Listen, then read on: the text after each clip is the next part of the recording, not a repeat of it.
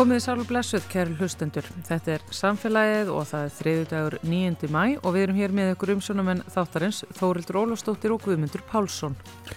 Það stýttist í leittóafundi Európaráðsins.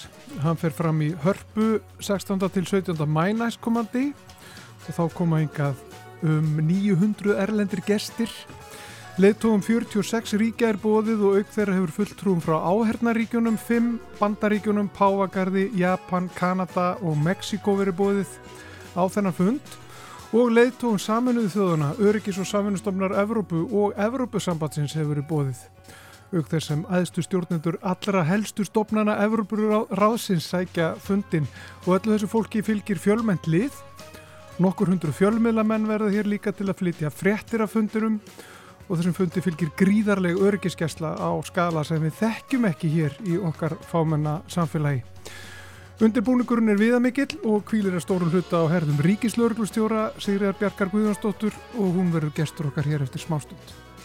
Við ætlum svo að ræða um kólefnislutleysi Íslands og þýðingu þerrar vekkferðar fyrir íslenska náttúru.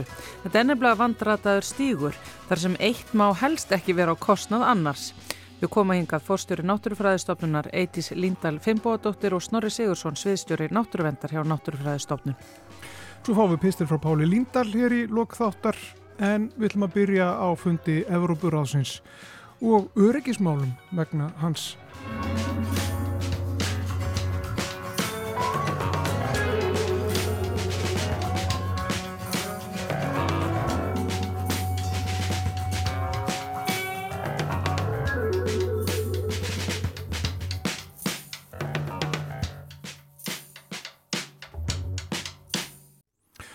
Hún er semst hjá okkur Sigur Björg Guðjónsdóttir, Ríkislörglustjóri, velkomin til okkar. Takk fyrir. Eh, þessi fundur verður núna bara eftir viku og uh, mikill undibúningur. Við höfum heyrta að það er ströngu örgiskesla og það eru miklar kröfur gerðar uh, til hennar og ykkar sem að sinnið örgiskeslu vegna, vegna þessa, þessa fundar. Er þetta ekki bara okkur um skala sem að hefur aldrei sérst hér? Ekki, nei, já, já, við hefum ekki séð svona skala áður. Það hafa alveg komið stórir viðbyrðir og, og, hérna, og gestir sem að örgiskröður hafa verið miklar en aldrei svona mikill fjöldi á sama tíma. Og þetta er mjög áhugavert fyrir okkur vegna þess að við erum ágætlega örugt samfélag og við erum ekki vön, eins og segir, þessum miklu örgiskröfum. Þannig að, og þegar það koma erlend gestir af þessum, þessu toga að þá ber um, gestaríki, ríki sem tekur á móti ábyrð á öryggi gestana. Þannig að við höfum þurft að, að hérna, svona, auka okkar viðbúnað, auka okkar þjálfun og virkilega stefna herra heldur en við erum vun vegna þess að verkefnið krefst þess. Já, það er nótt talað um sko mannskap í lauruglu, það vanti bara hreinlega fólk uh, til starfa í lauruglu. Hvernig kemur það einhvern veginn út í þessu samiki? Jú, við erum alltaf rætt það lengi og, og sem betur fyrir stendur það allt í bóta og, og, og er verið að styrkja laurugluna verulega. Það vika í fundin. Það vika í fundin. Takk fyrir að minna okkur á það. En við erum alltaf með meiri hluta starfsmanna lauruglu í þessu verkefni en þetta er ekki bara laurugluverkefni, það má ekki gleyma því að þetta er ekki bara lauruglu menn, þetta er líka starfsfólk lauruglu, við erum með tollin, það er landtekiskeslan, það er bara ót, mjög margi sem tengjast neturikismálum, þetta er risa stór hópur sem, að, sem að, hérna, er þarna sem kemur á borðinu og starfsmenn ráðuneytana, náttúrulega þetta er á vegum stjórnvalda, þannig að það er mjög mikill þungi á utaríkisránitinu og einni uh, hluta á fósættisránitinu en stæsti þungin við undibúning fundarinn sem slíks er hjá utaríkisránitinu og síðan er það við sem að, sem að erum sem sagt, með þennan öryggis þátt Já, og uh, hvernig hefur undibúningnum verið þátt að sko? Ma, maður ímynda sér að það þurfa að þjálfa ímislegt og æfa alls konar viðbrað það þarf að að gera, búa til uh, já, hvað er þetta að kalla sko alls konar sviðsmyndir og, og þess að þar, viðbrasa áallanir Jú, jú, jú, jú, og þetta hefur verið mjög skemmtileg vegferð. Hann kemur, er staðfestur þessi fundur í byrjun november á síðast ári og þá er strax farið í að gera áallun og hún hefur tekið einhverjum breytingum en við erum ennþá innan, við erum innan ramma hvað var þar bæði undibúning og, og fjármálin og þess áttar og svo dæmi sé nefnt að þá er þegar búið að verja í kringum 10.000 klukkustundum í þjálfun. Og þá erum við að horfa á axtustjálfun fyrir fyldirnar sem að lögurna höfuborgarsvæðinu mun byrja hitan og þungan af. Það er lífverða gæsla, við erum að þjálfa það, við erum að þjálfa með þær skotvopna því að við þurfum líka að passa að við séum varkár og, og hérna, þekkjum alla reglurnar og, og okkar fólk sem er að koma úr öðrum verkefnum að það sé vel þjálfað. Þannig að hérna, já, það er bara mjög margt búið að, að vera í vinstlu og það er líka búið að vera að skoða hvernig megi loka á svæðinu, hvernig skipulegi verður innan svæðisins og nú er komið að því að byrja að deila þessum upplýsingum eh, kannski markvisar heldur en við höfum gert að því að nú er heildarskipulagi komið og mér langar mikið að nefna að bæðin á lauruglan.is á vefnum okkar þar er komin upplýsingagátt sérstaklega og einn á stjórnarásvefnum líka.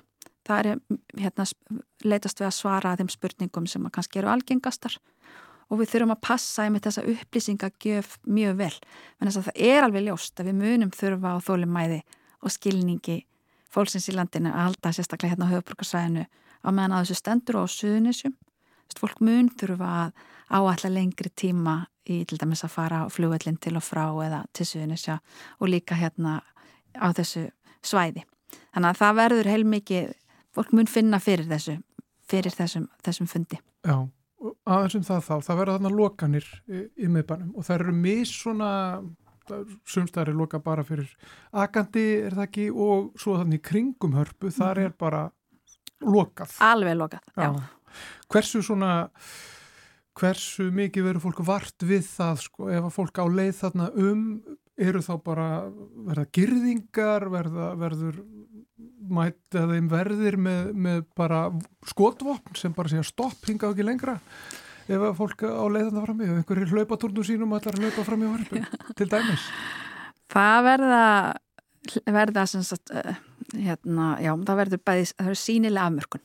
Þannig við munum nota þessar þessi hlið sem við eigum til þess að afmarka svæðið og það verða póstar, varðpóstar og væntalega einhver vopn um hönd á þessum varðpóstum þó að þau séu kannski ekki, það verður ekkit eins og það verði einhver röða vopnuðu fólki þarna, við erum ekki að horfa á það en, en auðvitað þurfum við að tryggja það að geta undir öllum kringustæðan tryggt að það fari ekki óviðkomandi inn á þetta svæði. Það verður búið að auglýsista mjög vel eh, það er líka bannað drónaflug, það verður líka landingiskeslan verið með hlutverk sjáarmegin við hörpu Einmitt. þannig að þetta verður bara vel dekkað, vel kynnt þannig að hlauparinn þá ekkert að koma honum á óvart og hann á að hérna, fá fullstu eh, kurtisi og leiðbenningar og, og, og geta haldið sinni för hættulegst áfram annar staðar heldur en þvert í gegnum þetta loka svæði. Já, þannig að það eru lokanir sko á sjó og landi já, og já, lofti. Já, já, já. já en ekki á mjög stóri svæði. Nei. Við meðum ekki gleyma því að við erum vöna að loka borginni hvað tviðsar ári á minnstakosti. Þannig að það er miklu meira til dæmis á menninganótt. Það er miklu, miklu meiri lokanir á menninganótt Já. heldur hún er núna, þetta er miklu afmarkara svæði núna, þannig að snýst bara aðalega um sjálft, sjálf, sjálft ráðstefnu svæðið og síðan um fyldirnar. Mm -hmm. Sko maður ímynda sér að það þar standi einhver með, með skotvopn og, og mæti fólki einhvern veginn, það snýst að einhverju leiti væntala um að sína það að þarna sé ákveðin gæsla sko, en, en Íslitikar eru nú ekki vanir þessu að, að, að standa við liðin á bara kannski bara nágranna sínum sem hafa vinnur lauruglunni sko bara með skotuhopp og sé að stopp ekki, þú, þú mátt ekki koma lengra er þetta ekki aldrei viðkvæmt í okkar samfélagi? Ég... og þarf ekki að sína því ákvæmna virðingu? Jú, við þurfum alltaf að, vita, bara passa það að, að, að hérna, vera opinn með þar upplýsingar sem við mögulega getum veitt og eins og í þessu tilviki þá veit fólk að hverja það gengur. Við erum að gæta fólk sem er með miklu meiri öryggiskröfur heldur en almennt gilda á Íslandi. Það þýðir að við þurfum að auka okkar viðbúnað og líka sínilegan viðbúnað. Og eins og hún nefndir fari gegnum allskins mögulega, hérna, mögulega sviðsmyndir sem geta komið upp, vera búin að undirbúa, vera búin að æfa, ég var til dæmis að koma af æfingi í morgun þar sem við vorum að velta fyrir okkur allskins, allskins atvikum sem geta gerst og einmitt að taka það í stórum hópi fólks, hvernig við myndum vinna með það. Þannig að ég áttam alveg á því að það og við að það getur verið viðkvæmt fyrir fólk að hafa vopnaða vopna lauruglufólk en við erum að horfa það að við hefum sett mjög mikla hérna, mikinn tíma í þjálfun vandaða áallan að gerð vandaðan undibúning og þessi verður þetta verður allt saman hófstilt en við mhm. þurfum líka sína bæði í, hérna, verkin, í verki að við séum færum að sinna öryggiskeslu á þessu herra stíi heldur en heldur en venjulega. Þannig að þetta er eitthvað sem Íslandíkar eru vanir þegar fara erlendis. Ég meina að þið hafið flestir sem að ferðast hafa séð vopnaða lauruglumenn eða sem eru þá í flugstöðunum og... Já, já, bara þú ert að skoða góðspurn hýrstæðar, sko, já, það er og, og það er bara þetta. Þannig að hérna, já. Já, en, en, en uh, erlendir, uh, þessar erlendu gestir sem eru vanir að, að ferðast bara með uh, örgislið með sér, mm. þeim fylgja þá endala þeir örgisverður og það lið. Já, það verður náttúrulega takmarkaða fjöldi, þú getur ekkert komið bara með, með alla sem þið listir, þannig að við náttúrulega erum ekki með, hvað ég segja, við þurfum að passa upp á líka að þessir örgisverðir og erlend lið sé alltaf undir stjórn þá laurglunar og fylgi þeim reglum sem að hér gilda. Mm -hmm. Þannig að það er takmörk líka á því hvað, hvað hérna, þessi gæsti geta komið marga verði með sér og það er búið að fara í gegnum það allt saman nýra á personur og leikandur og búið að skipilegja í mitt fylgdirnar alveg mjög nákvæmlega og búið að velta fyrir sér öllum, mjög mörgum þeim aðtriðin sem komi geta upp. En mm. sem sagt varðandi varðandi vopnaða erlenda aðila þá verður að hafa það í huga að þeir eiga alltaf að vera í fyllt og undir ábyrð og stjórn íslensku lörglunar Já Það er bara alltaf þannig? Já, það er alltaf þannig. Já. og það er líka þannig þegar við förum á erlenda grundu. Já. og þetta er fyrsta sinn hins vegar sem við erum að fá að nýta þennan möguleika og að fá erlenda samstagsmenn hingað. Þetta hefur talsveit verið notað til dæmis á Norðurlöndunum. Þau hafa verið að senda lið á milli til þess að styrkja styrkja eimsar aðgerðir eða verkefni sem þau hafa verið í. Eh, og við höfum haft þessar heimildir.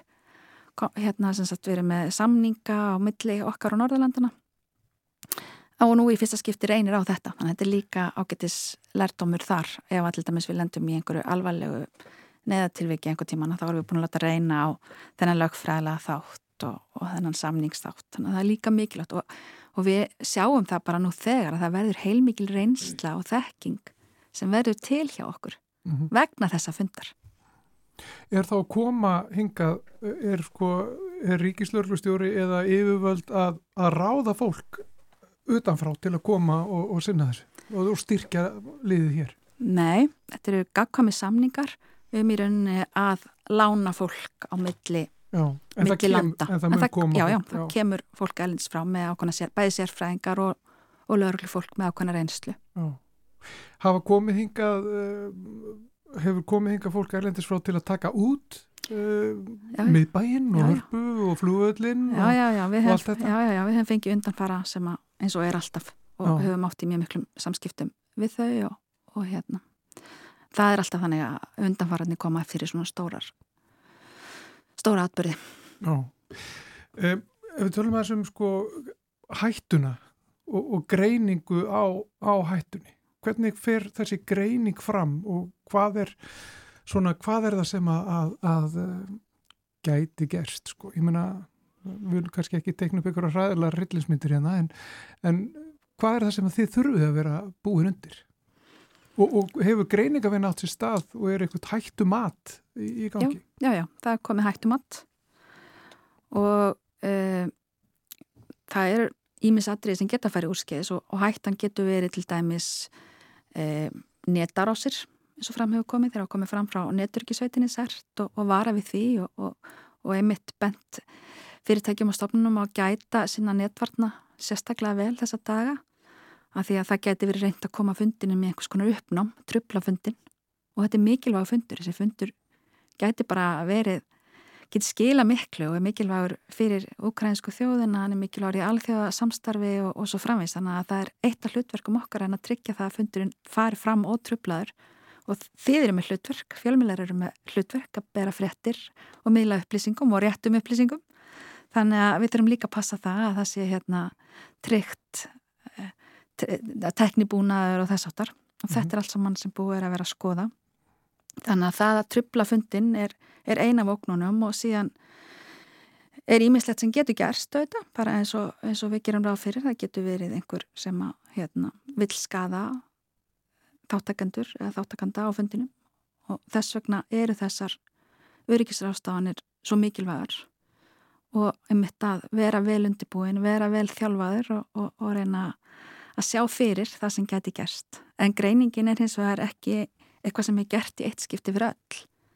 Hún er að þróast og teku með af aðstæðan hverju sinni. Já. Þannig að við erum hérna og okkar fólk er einmitt í mjög góðu sambandi við samstagsæðila. Þannig að, að hérna við fáum upplýsingar og, og, og vinnum greiningarnar út frá þeim. Og það er stöðugt verið að meta uh, þessi mál? Stöðugt verið að meta, já. Hvort sem er? Já, en það er náttúrulega sérstaklega fókus á fundi núna út af þessum út, af, út í rauninni þeir, þeir hérna, stöðu sem að þeir sem sækja fundin eru í, sem er eins og við hefum sagt mjög ólík stöðu okkar aðmanna. Já.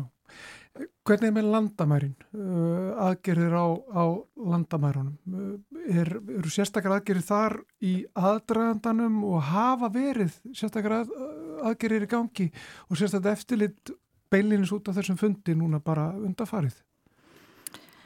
Við ætlum að fara vel yfir það eftir fundin, nákvæmlega til hvað aðgerða hefur verið gripið, mm -hmm. en það er svo sem ekki lögnungamála við tilkynntum það eftir formlega leið með dómasmála ráðnitið að við getum tekið upp þá auki eftirlit í tengslum við þennan fundatíma. Þannig að bæði fyrir og, og meðan fundinum er semst auki eftirlit á landamærum. Þannig að það er gert ráð fyrir því inn í okkar sviðismyndum. Og síðan nákvæmlega hverju það fælst, það verður mun komið ljós. Já, en fólk sem á leið um uh, kemlaugflöll þessa daga, það mun finna fyrir, fyrir því að það er eitthvað stort í vandum. Það er hvað? Það gæti eitthvað hægst á einhvers konar umferð en, en við erum eins og verið mjög góðu samstarfi við Ísafja og, og fljóreikandur og, og svo framvegs þannig að ég held að þetta sé ekkert sem að þau er ekki, þekki ekki vel. Alltaf svo miklar áskoranir í fluginu eins og við, við þekkjum. Og gríðarlega mikið lensla þar líka og ræði í að breyðast við hlutum. Þannig að það mun bara örgla allt saman fara á óskum. Ég meiri áhyggjur af í rauninni fylgdartímanum á keflaugur flugvöldin, þessast á, á hérna, leiðinu á Reykjanesbröðinni að það verði tafir þar í tengslum við fylgdirnar. Þannig að ég vil sérstaklega brína fólki því að vera tímanlega á leiðin út á völl. Já, verða lokanir einhverjar vegna þess, vegna fylgdarinnar eh, þá á Reykjanesbröðinni til dæmis? Það gæti alveg verið lokanir, minnst að kosti þegar fylgdirnar fara um að þá eru þær með forgang þannig að eru þurfa að býða.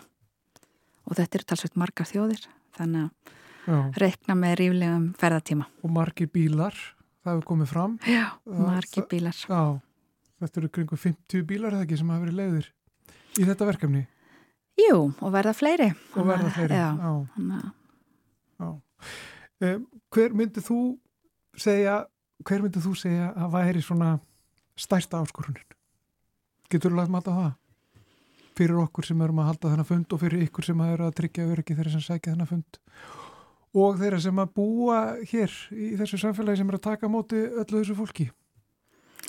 Það er kannski erfitt að segja einhverja eina áskorun en við allavega óskum eftir stuðningi og þólimæði fólk sem býr hér og starfar. Það er mikilvægt, þetta er mikilvæg fundur, við erum að leggja allt undir í að gera þetta vel og það er mikil ábyrð sem á okkur kvílir en við erum í rauninu öll í þessu saman vegna þess að það mun ekki fara fram hjá neinum á meðan þessir þessi dagar er að líða. Þannig að bara að reyna að vera jákvæð og samtaka fyrir í að láta þetta ganga vel. Það er okkar ábyrð.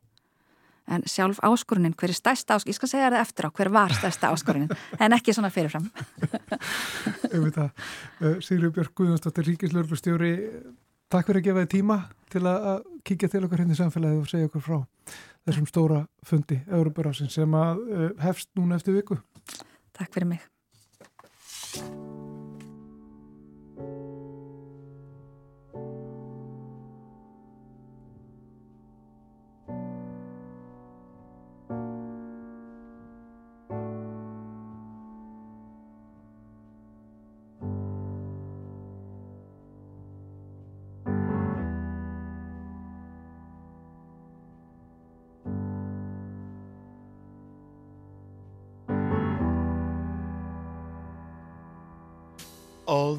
Words you say to me have music in them. All the sorrows and the joys, like magnetism, and a selfish boy looks through a prism and says what is, but never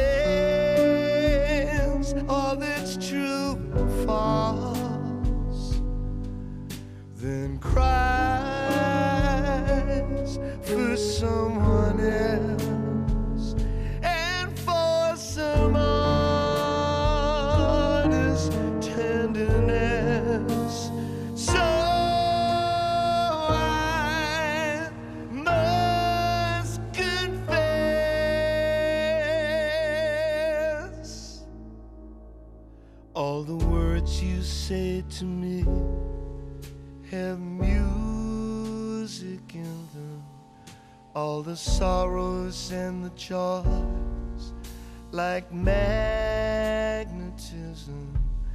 and a selfish boy looks through a prism and says what is, but never asks what isn't.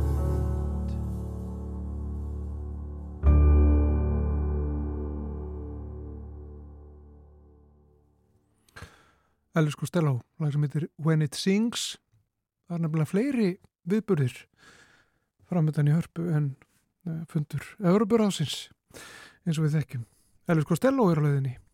Uh, það er nú ekki eins mikið húlum hæ í kringum þá heimsók hann ætlar að halda tónleika í hörpu sunnudaginn 28. mæ en áfram með samfélagið Við hér í samfélaginu vorum á loftlasteginum í hörpu í síðustu viku þar sem kendi Ímessa Grasa fjölmarkir sem að tóku til máls og eitt af því sem að þarna var skoða var auðvitað hvernig okkur Íslandingum miðar í áttað kólefnis hlutleysi. Við höfum náttúrulega skuldbynduð okkur töluvert. Einn þeirra sem að þarna rætti málun var Eitis Líndal Fimboadóttir sem er forstjóri náttúrufræðistofnunar rættu um kólarnalöst Íslands fyrir íslenska náttúru og hvaða þýðingu það hefur og Eitis er komin hingað til okkar og með henni er Snorri Sigursson sem er sviðstjóri náttúruvendar hjá Náttúrufræðistofnun Sælbæði 2. Takk fyrir, já. Sæl. Sko, við skulum bara leggja grunninn og aðeins rýna í það uh, svona bara örstuðt hvað við höfum lofað að gera. Já, allavega ég á þessum lofslastegi var, var svolítið að beina sjónum mínum að, að lífræðilegri fjölbreytni og þar eru við nýbúin að lofa því að, að friða e, 30% af bæði efnafslagsögnu og landi með tilliti til lífræðilegra fjölbreytni. Mm. Og þetta auðvitað kemur beint inn í þessa lofslags umræðu vegna þess að við þurfum kannski bara að stiga svolítið varlega til jarðar í okkar aðgerðum í, í eh, já, undir hatti eh, lofslagsumræðunar, skulum við segja. Snorri, þú náttúrulega hefur verið að sækja ráðstefnur þar sem hefur verið að skoða til dæmis eins og þessa friðun sem að gerast á hafi úti í lögsögunu okkar. Eh, það eru aðra þjóður sem eru farnar að stað. Er við eitthvað byrjuð? Já, við erum aðeins byrjuð. Eh, fundurinn hjá samningi samnið þjóðanum lífræl fjölbyrni, hann var núna í desember. Þar var mótuð þessi nýja stefna aðeldar þjóðana til næstu tíu ára og þar voru meðlans þessi markmið sem vorum að tala um um 30% vendun og það er nú búið að stopna stýrihópum um vendarsvæði hafið því þar eru við frekar aftal á meirinni. Varandi landið eru við búið að venda töluvert af, af heldar flatamáli landsins en hvort að þessu nákvæmlega réttu svæðin það þarf að skoða það betur og, og þá bæta því við sem þarf að bæta við. En það er hafið, er það ekki sem við þurfum svolítið að fara að spýta í lóuna með? Jú, þar allavega hefur svona kannski svona hefðbundnari vendaraðgerum lítið verið beitt en auðvitað hefur verið að beita fiskveið stjórnurinni og hún hefur alveg skila árangri til, a, til að venda til ekki ástand en, en, en það er kannski svona takmarka sín við þurfum að skoða fleiri þætti heldur en einungis nýtastofnara. Mm -hmm. En eitthvað þegar þú ert einmitt að fara yfir þetta, við erum búin að gefa lofur og þú ert að skoða sko hvernig, hvernig þetta fer. Hvað finnst þið blasa bara strax við? Já, mér finnst kannski bara blasa við auðvitað til dæmis orgu umræða núna. Það, hún hefur náttúrulega snúist svolítið um vindmilur sem dæmi mm -hmm.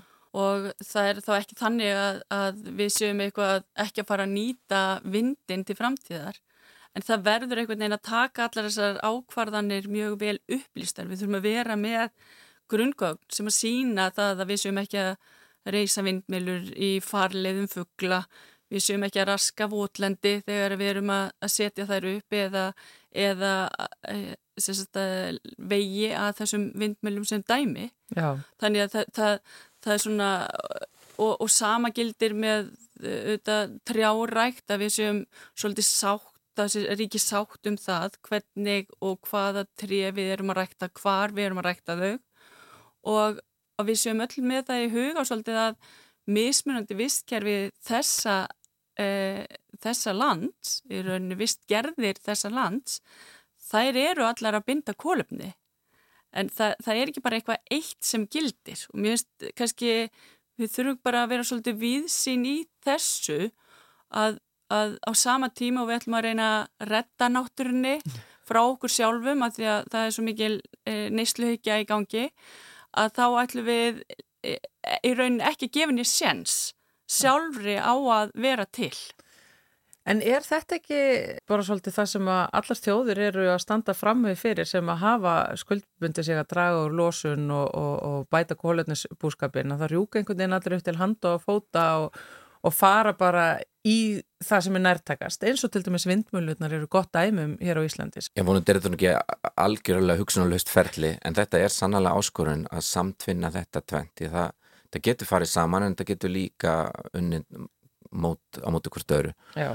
og um, þjóðutnarnir kringum okkur eru nú suma komna leng, lengra eða margar og eru búin að undirbúa sákell og það er verið að rannsaka til dæmis áhrif af af nýjum orkugjöfum og, og þeim innviðum sem þeim fylgja á, á náttúru og meðal annars lífriki en einni landslag sem er líka mikið talað um. Um, þannig að eh, við Íslandingar erum kannski bara umtaldi eftir að, að eiga þessu umræðu og, og við erum kannski að koma inn í þetta, þetta á tímanum þegar það er orðið enn meira árið enda að grípa til aðgera út á lofslagsváni þannig að einhvern veginn klukkan tikkar og, og þess vegna eru við svolítið að upplifa svona óðagátt kannski. Og við meðum ekki gleyma því að, að, að ákvæmlega sem er teknar í hasti og eru ekki hugsaðar til fulls eru nú ekki líklega til að skila þeim árangur sem við viljum sjá og það eru meiri líkur að gera mistök. Þannig að við verðum að gefa okkur tíma og verðum að vanda okkur, verðum að aflæða þær upplýsingar sem þarf til. Mm. og, og þó að því að hlutin gerist kannski aðeins hægar það sem síðan auðvitað hafa áhrif á þetta ferli er að, er að er að þannig að hinn og þessir atvinnugerar eru að, að, að bregðast við því að, að það er annarkvært verið að óskæfti þeir hætti eða fara að algjörlega skiptum kurs og það er ekki sístu um orkugeiran og, og, og þetta er auðvitað, þessi geirar þurfa líka auðvitað að fá tækifæri til að koma, koma undir sér lappirnar og þá mega hlutin ekki gerast svo hægt og þeim ekki vera of þungir í vöfum fyrir þá. Þannig að það talast ekki alltaf við sko, saman uh, þessi varfærnisleið og síðan að, að hérna, að þetta getur einlega fungerað mm. því að auðvitað þurfa þessir, uh, þessir aðilar að geta starfað og verið í örgu starfsumkvarfi. Þannig að þetta er svona smá tókstreita og það er auðvitað áskonum fyrir stjórnvöld að finna þetta jafnvægi og en við, eins og við hérna á náttúrstofnun við auðvitað erum að tala um máli náttúrunar og, og, og það er okkar hlutverk að, að benda á það verði að, að fara valið að staldra við og, og gera ekki mistök. En þetta er náttúrulega státti aðteglisvært fyrir ykkur sem fulltrú á náttúrustofnuna eins og þú ert að útskýra snorja, sko, þið eruð á bremsunni af því að það er dáltið svona óðaköpt að gangi. Það er allir að rjúka svona svolítið eftir hand og fóta og það er bara verið að kasta öllu í átta að, að þessu uh, markmiðu okkar. En, en, en uh, það er kannski ekki að neitt alltaf rosalega ígrundað eða, eða, eða kannski undirbyggt. Af því að jáfnveil þó að, að, að það er líka hinmálflutningunum ykkar að við getum ekki veist, gert þetta nú fljótt, við verðum að drífa okkur að gera þetta en þeir eru líka að segja bara, við verðum líka að vera á bremsunni. Þetta er, þetta er rosalega, þetta er erfið staða fyrir ykkur að vera í gett tímönda mér. Já, þetta er það þetta og, og hérna við, það er ekki þannig að, að við skiljum það ekki, að, að það þurfum við einmitt að grípa til aðgerða strax og ég meina allar fyrirsagnir benda til þess að, að við verðum að gera eitthvað. En kannski snýst þetta líka svolítið að einmitt haugðun okkar mannsins og, og að við þurfum kannski við þurfum auðvitað að breyta okkar samfélagi en á sama tíma þá þurfum við náttúrulega að breyðast við og við viljum auðvitað að, að, að, að þær aðgerði sem eru valdar séu einhvern veginn gerðar upplýstar mm. sko að segja til dæmis og við vitum í rauninni hvaða afleggingar þær muni hafa til lengri tíma, til lengri tíma já. Já.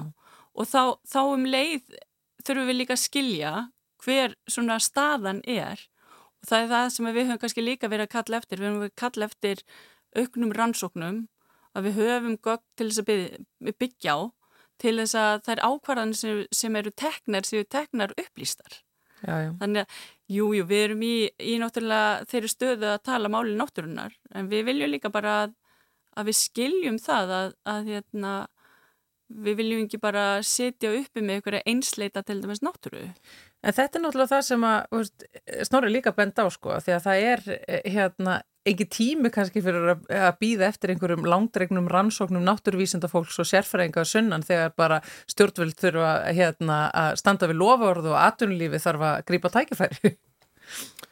Harlega rétt, þetta er, þetta er snún staða og þess vegna þarf að rína vel í hvað verkefni er brínast að framkama, hvað upplýsingar verður við að hafa, hvað, hver er hver eru forgangsmálin? Og við þurfum kannski ekki þekki allt í náttúrun að vita hvernig allt þróast áfram og, og hvernig um hver lofstafsbendingar hafa áhrif og hvernig þessar aðgerðir hafa áhrif á allt. En, en svona á líkil þætti þurfum við að geta lagt mat á. Þannig að e, það er svona þessi grunnu sem verðum að geta byggt á. Og hér á Íslandi hefur kannski sá grunnur byggst upp full hægt og það er alveg að spýti lofan og bæta mjög miklu við á ekkert svakalega löngum tíma mm. til, a, til að standa mun betur að víi þannig að um, þetta átil kannski að gleyma stundum mikilvægi þessa en, en, en við sjáum það svo þegar um, í umræðinu um einstök atrið eins og vindmjölur eitthvað slíkt að, að þá allt í neðallals upplýsingur er til en það eru það sem kannski ekki eða bara mjög takmarkuðum hætti yeah. og, og það verður að bæta úr því samlega því sem aðgerðarnar sjálfur eru síðan undirbúnar og framkvæmdur Og þið eru náttúrulega líka að draga lærdom af sögunni af því að, að þetta er svo sem ekki til fyrsta sinn sem að Íslandikar fara í eitthvað eh, stundum að ítla í grunduðu máli og setja svo uppi með aflengarnar, þetta er sporin hræða.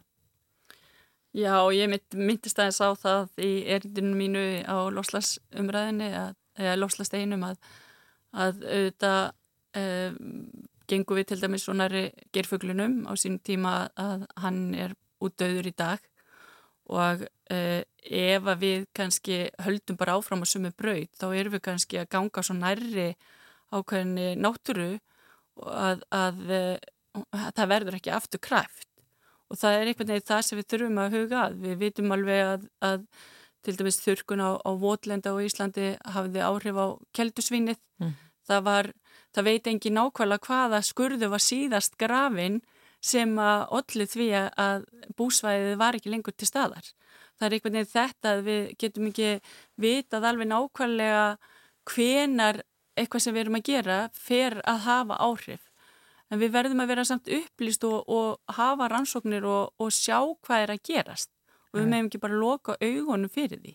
Já. Og það er kannski það sem við erum að benda á að, að hérna, og, og ég segi það að ef að við höldum bara stjórnlöst áfram sem við erum sjálf, sjálfsögur ekki að gera í dag. Við erum alveg að reyna og stjórnvöld í dag eru að, að reyna að hamra á það að, að passa upp á lífræðilega fjölbreytni landsins til dæmis en, en ef við höldum ekki áfram, ef við höldum á þess, áfram á þessari leið þá, þá erum við svolítið orðið að þessum síðustu veiðumönnum í eldei sko. Já.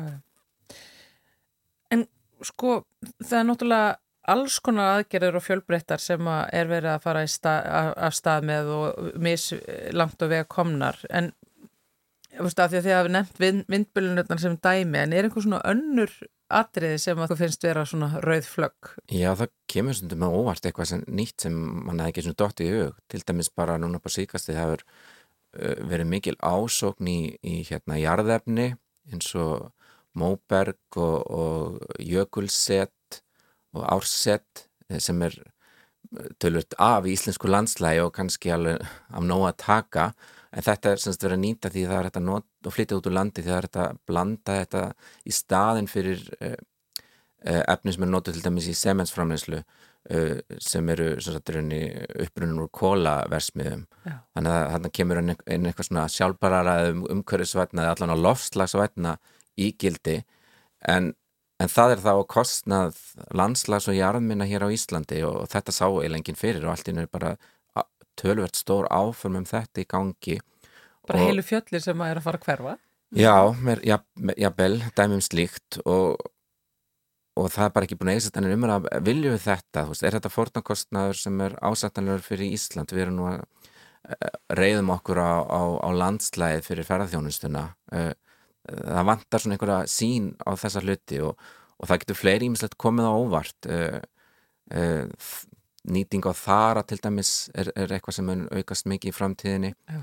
það er öðlind sem sjálfsagt að nýta en, en eru við búin að undirbúa okkur nægilega vel fyrir það? Það er heilmikil kolumnisbinding þar sem eru þá að, að forna fyrir utan öll jákvæðu hérna, uh, vistfræðilegu áhrifin. Þannig að Já, það er, miðurnabjörlunar þeim, þeim er bara fjölga og, og auðvitað getum við ekki einhvern veginn ekki, ekki þórað að, að prófa eitthvað nýtt en, við verðum að geta rínt hvað þetta þýðir, hvað áhrifum myndi að hafa og, og ekki bara hlaupa stað og eru búin að lofa og, og framkama áður en við áttum á herðu, þetta er bara að valda meiri skada heldur en heldur um að græða á þessu. Já. Fiskeldi, náttúrulega, sjókveldið hefur nú sínt sig að þarf að fara þú gest á stað, uh, vonandi þetta rétta úr kútni með það en, en já, eh, við verðum bara að, að vanda okkur og, og vera svolítið horfa svolítið inn í framtíðina. Hvar getur leinst fleiri svona svæði sem þarf að við þurfum að vera undirbúin fyrir?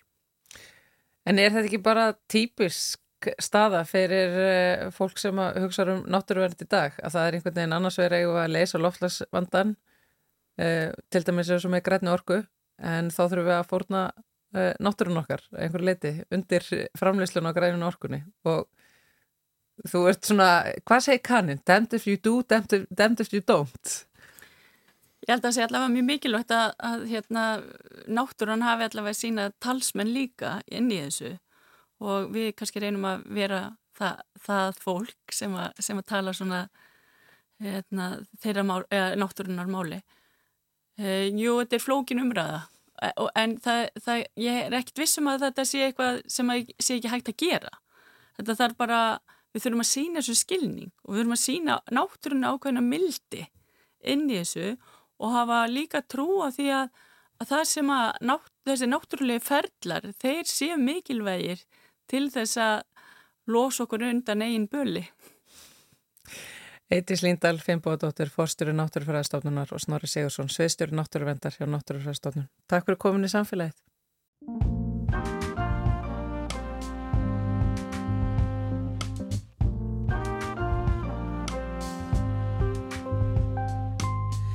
Afsakið en mætti ég Fá að ræða létt við húsfrúna. Af almættinu sendur er. Hún þarf að koma staðins út núna. Hún þarf að dilla dilla bara dansa smá. Tætt og trill að fá sér smá í tá það má. Hú það má.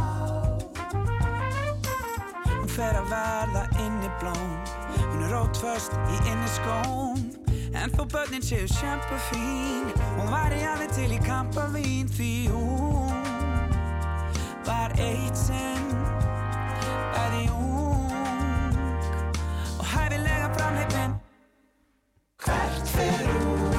Hún fagnar frelsi fegin vill hún fljúa Hvað sé hún? Hún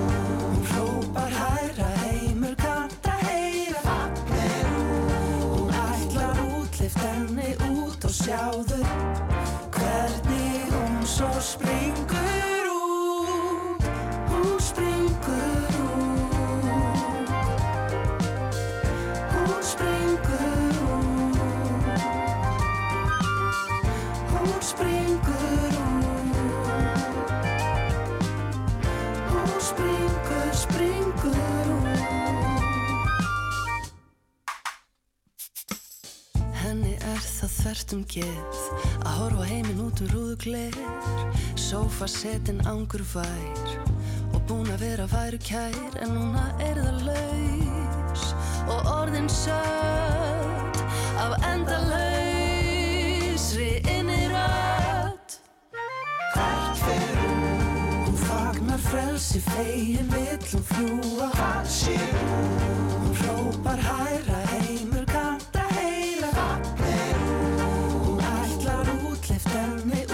sjáðu Hvernig hún svo springur út. Afsækiði mætti er Fá að reyða létt við húsfrúna. Hún þarf að komast aðeins út. Hún fagnar frelsi fegin vill hún fljúa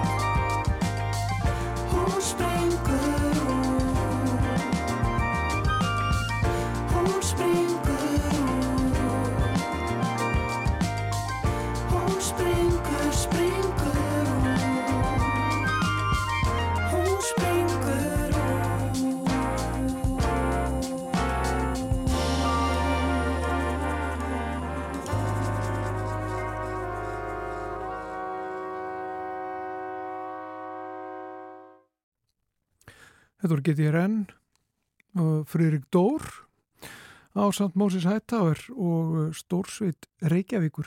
Lag sem heitir Springur út. Glænýtt lag úr uh, þeim ranni. Við menn eftir að heyra pistil frá Páli Líndal umhverfið sálfræðingi en fyrst ætlum við að reyfi upp eitt gott ruslarapp.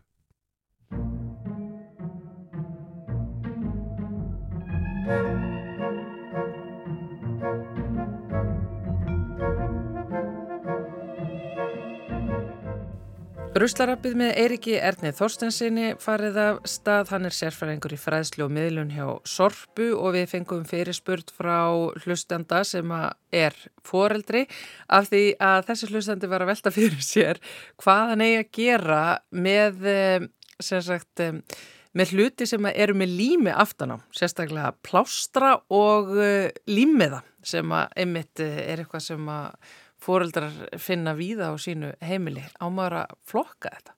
Ég, ég, tengi, ég tengi við þessu umræðu því að það er einhvern veginn alltaf eitthvað límiðum á mínu heimili með alls konar fíkurum og, og, og svo leiðis á. Uh, en þetta er ekki endurvinnanlegt þannig að svona límiðar og, og plástrar sem leiðis þetta fer þá með almenna sorpinu. Já, er það límið sem að eðilegur endurvinnslu möguleikana fyrir þessu eða... Já, það er raun og veru límið. Já, og límbandið þá líka ef að það er búið að vera að leika mikið með það og það er allt í einhver svona límbandsklessum út um allt hús. eh, Já. Það er líka í almenna. Almenna sorpi með þetta. Já. Þá vitið það hlustendur þarna úti, sérstaklega þið fóreldrar sem eru að takast á við þetta, e, límiðana, plástrana, límbandið, allt þetta sem að fellur til í föndur stund og e, þegar lítið fólk er að rubla sig þarna úti, bara í almenna með þetta allt saman. Takk helga, Eirikur Örn. Takk fyrir mig.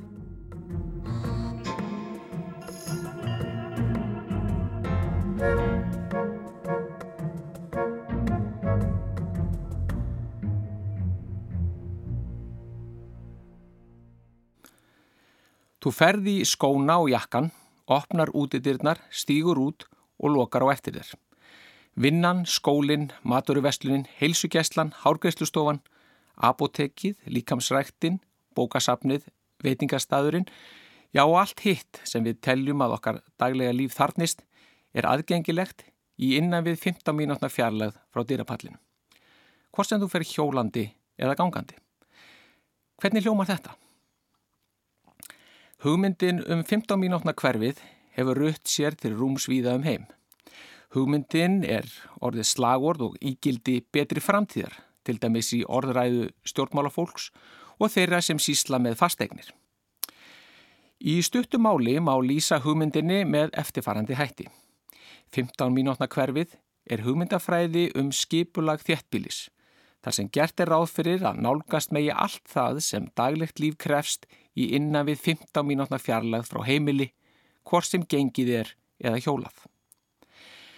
Þetta er háleit hugmynd og er hún eignuð Carlos Moreno, profesor við Sorbonne háskólan í París, sem sett hana fyrst fram árið 2016. En ekkert er nýtt undir sólinni, segir í fyrsta kabla predikarans og á það við um hugmyndina um 15 mínútna hverfið. Allt frá fjórða áratug 20. aldar hefur hugmyndin um hverfið sem sjálfstæða einingu verið við líði. En svo hugmynd gerir ráð fyrir að í hverju hverfi þjættbilis megi finna í göngufæri frá heimili einhvern miðpunkt eða miðbæ, skóla sem og helstu þjónustu daglegs lífs. Og þegar að betur að gáð, má svo auðvitað sjá rætur þessara hugmyndafræði tegja sig miklu lengra aftur. Því áður en bílar komið fram á sjónarsviðið var þjættbíli skipulagt utanum fólk, eðlið þess og atferðli, líkt og sjáma á í mörgum borgum Evrópu sem byggðust upp laungu áður en fyrsti bílinn leið dagsins ljós. Það má því segja að 15 mínútna hverfið sé að vissuleiti afturkvarf til umhverfis og samfélags liðina tíma.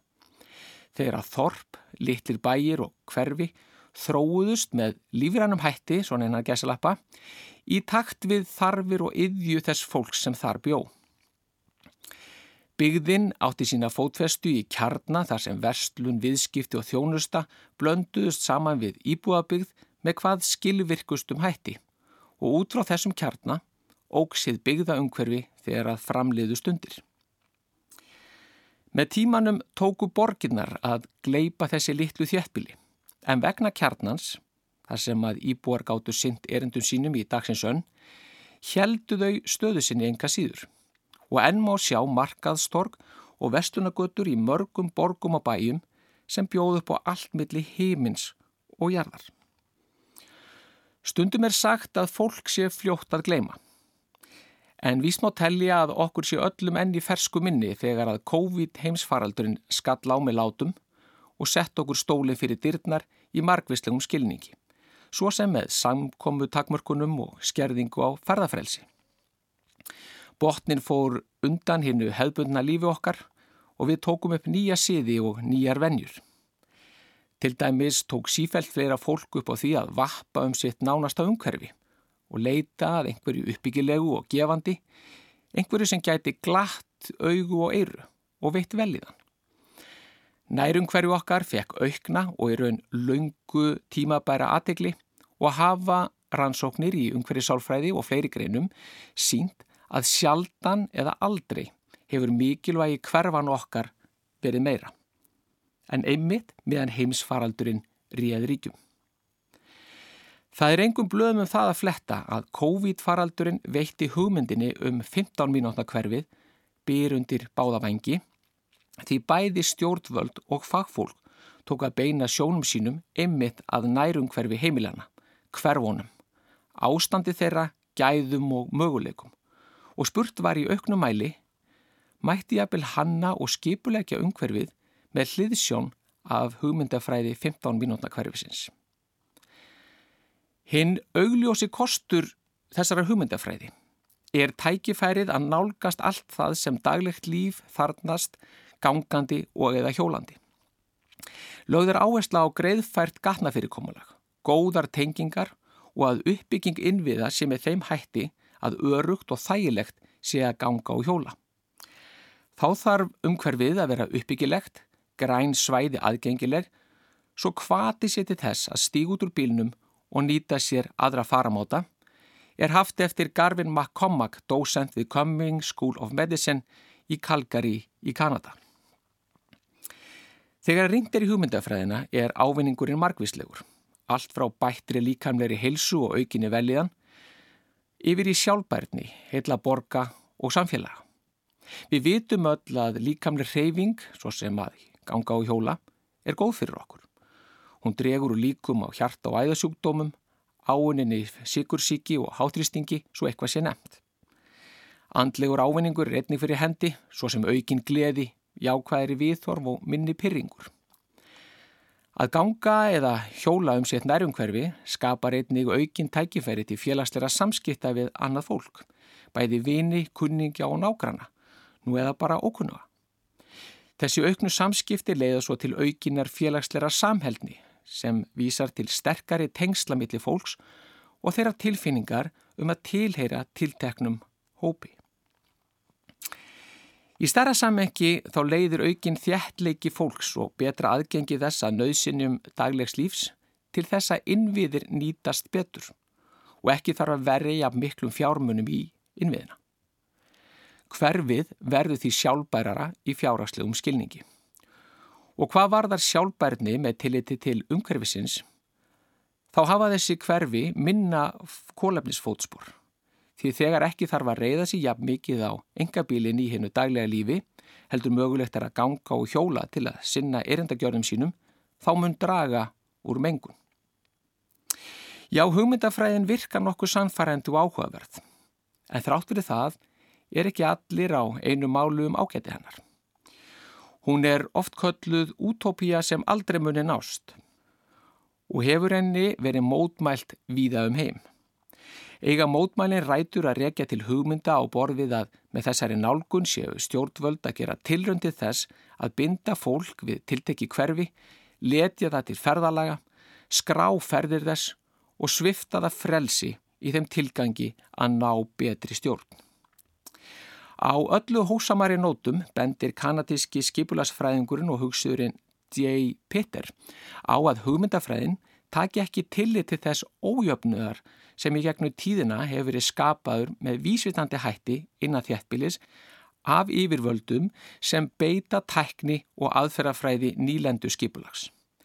Afleðingin er því til dæmis aðskilnaður milli hverfa, djúbstætt misrétti þegar kemur að gæðum og þægjendun og mismunun í framkomun yfirvalda á almenningssvæðum, segir Pitter og bætir svo við. Þó ég sé einlegur stuðningsmaður öflugur í hverfa og þess að skapa þar staðbundna menningu sem og talsmaður þess að við þurfum að breyta áherslum í skipulagi borga í áttaukinni sjálfbærni, þá er ég einni ákafur talsmaður þess að við samanum fólk í stað þess að sundraði. Þessi hugmyndafræði gerir því síðarnemda og þess vegna stendi í gegninni. Hérlendis hafa hugmyndir um 15 mínútna hverfið stungi sér niður. Sem dæmi má nefna að í viðuga við landskipulastefnu sem býður afgreðslu alþingis er rætt um innleðingu hugmyndafræðinar og í svæðiskipula í höfuborgarsvæðisins er sett fram markmið um að byggðin mótist af viðmiðum þessara hugmynda. En hvort þessi nálgun verði ofan á hérlendis sem annar staðar er erfitt að segja fyrirum. Innleðing sem þessi gerist ekki á einni nóttu og margir aðilar þurfa að leggjast á eitt eigi hún að ná fram að ganga. En þegar öllur á botnin kvólt er spurningin svo hversu vel hugmyndafræðin endur speiklar veruleikan. Hugmyndafræði kann að virka rökrétt og bynd af augum ef svo má orði komast. En tekur hún nægilegt tillit til mannlegs eðlis, hvernig við erum saman skrúið og hvernig við högum okkur og hvernig við hugsum. Og þegar allt kemur til alls, hvernig mun 15 mínútna hverfið líta út séð af jörðuniðri? Hvernig verða byggingarnar? Hvernig verður skipulægið? Hvernig verður gróðurinn? Hvernig verða gönguleiðinar? Mun fólk vilja ganga og eða hjóla í hverfinu? Mun fólk hafa efni á að búa þar? Munu vestlunareigandur og þjónustu aðilar hafa efni á að reka þar vestlun? Og svona má áfram telja. Takk í dag. Saði Páll Líndal, umhverju sálfræðingur sem er hér í samfélaginu með reglulega pisla sem að njóta mikill að vinsalda og með pisli Páls uh, líkur samfélagi dagsins. Já, Páll sagði takk í dag og það séum við líka Guðmundur Pálsson og Þóruður Ólastóttir. Verður hér aftur á morgun, sama tíma, sama stað. Heyrust á. Verðið sæl.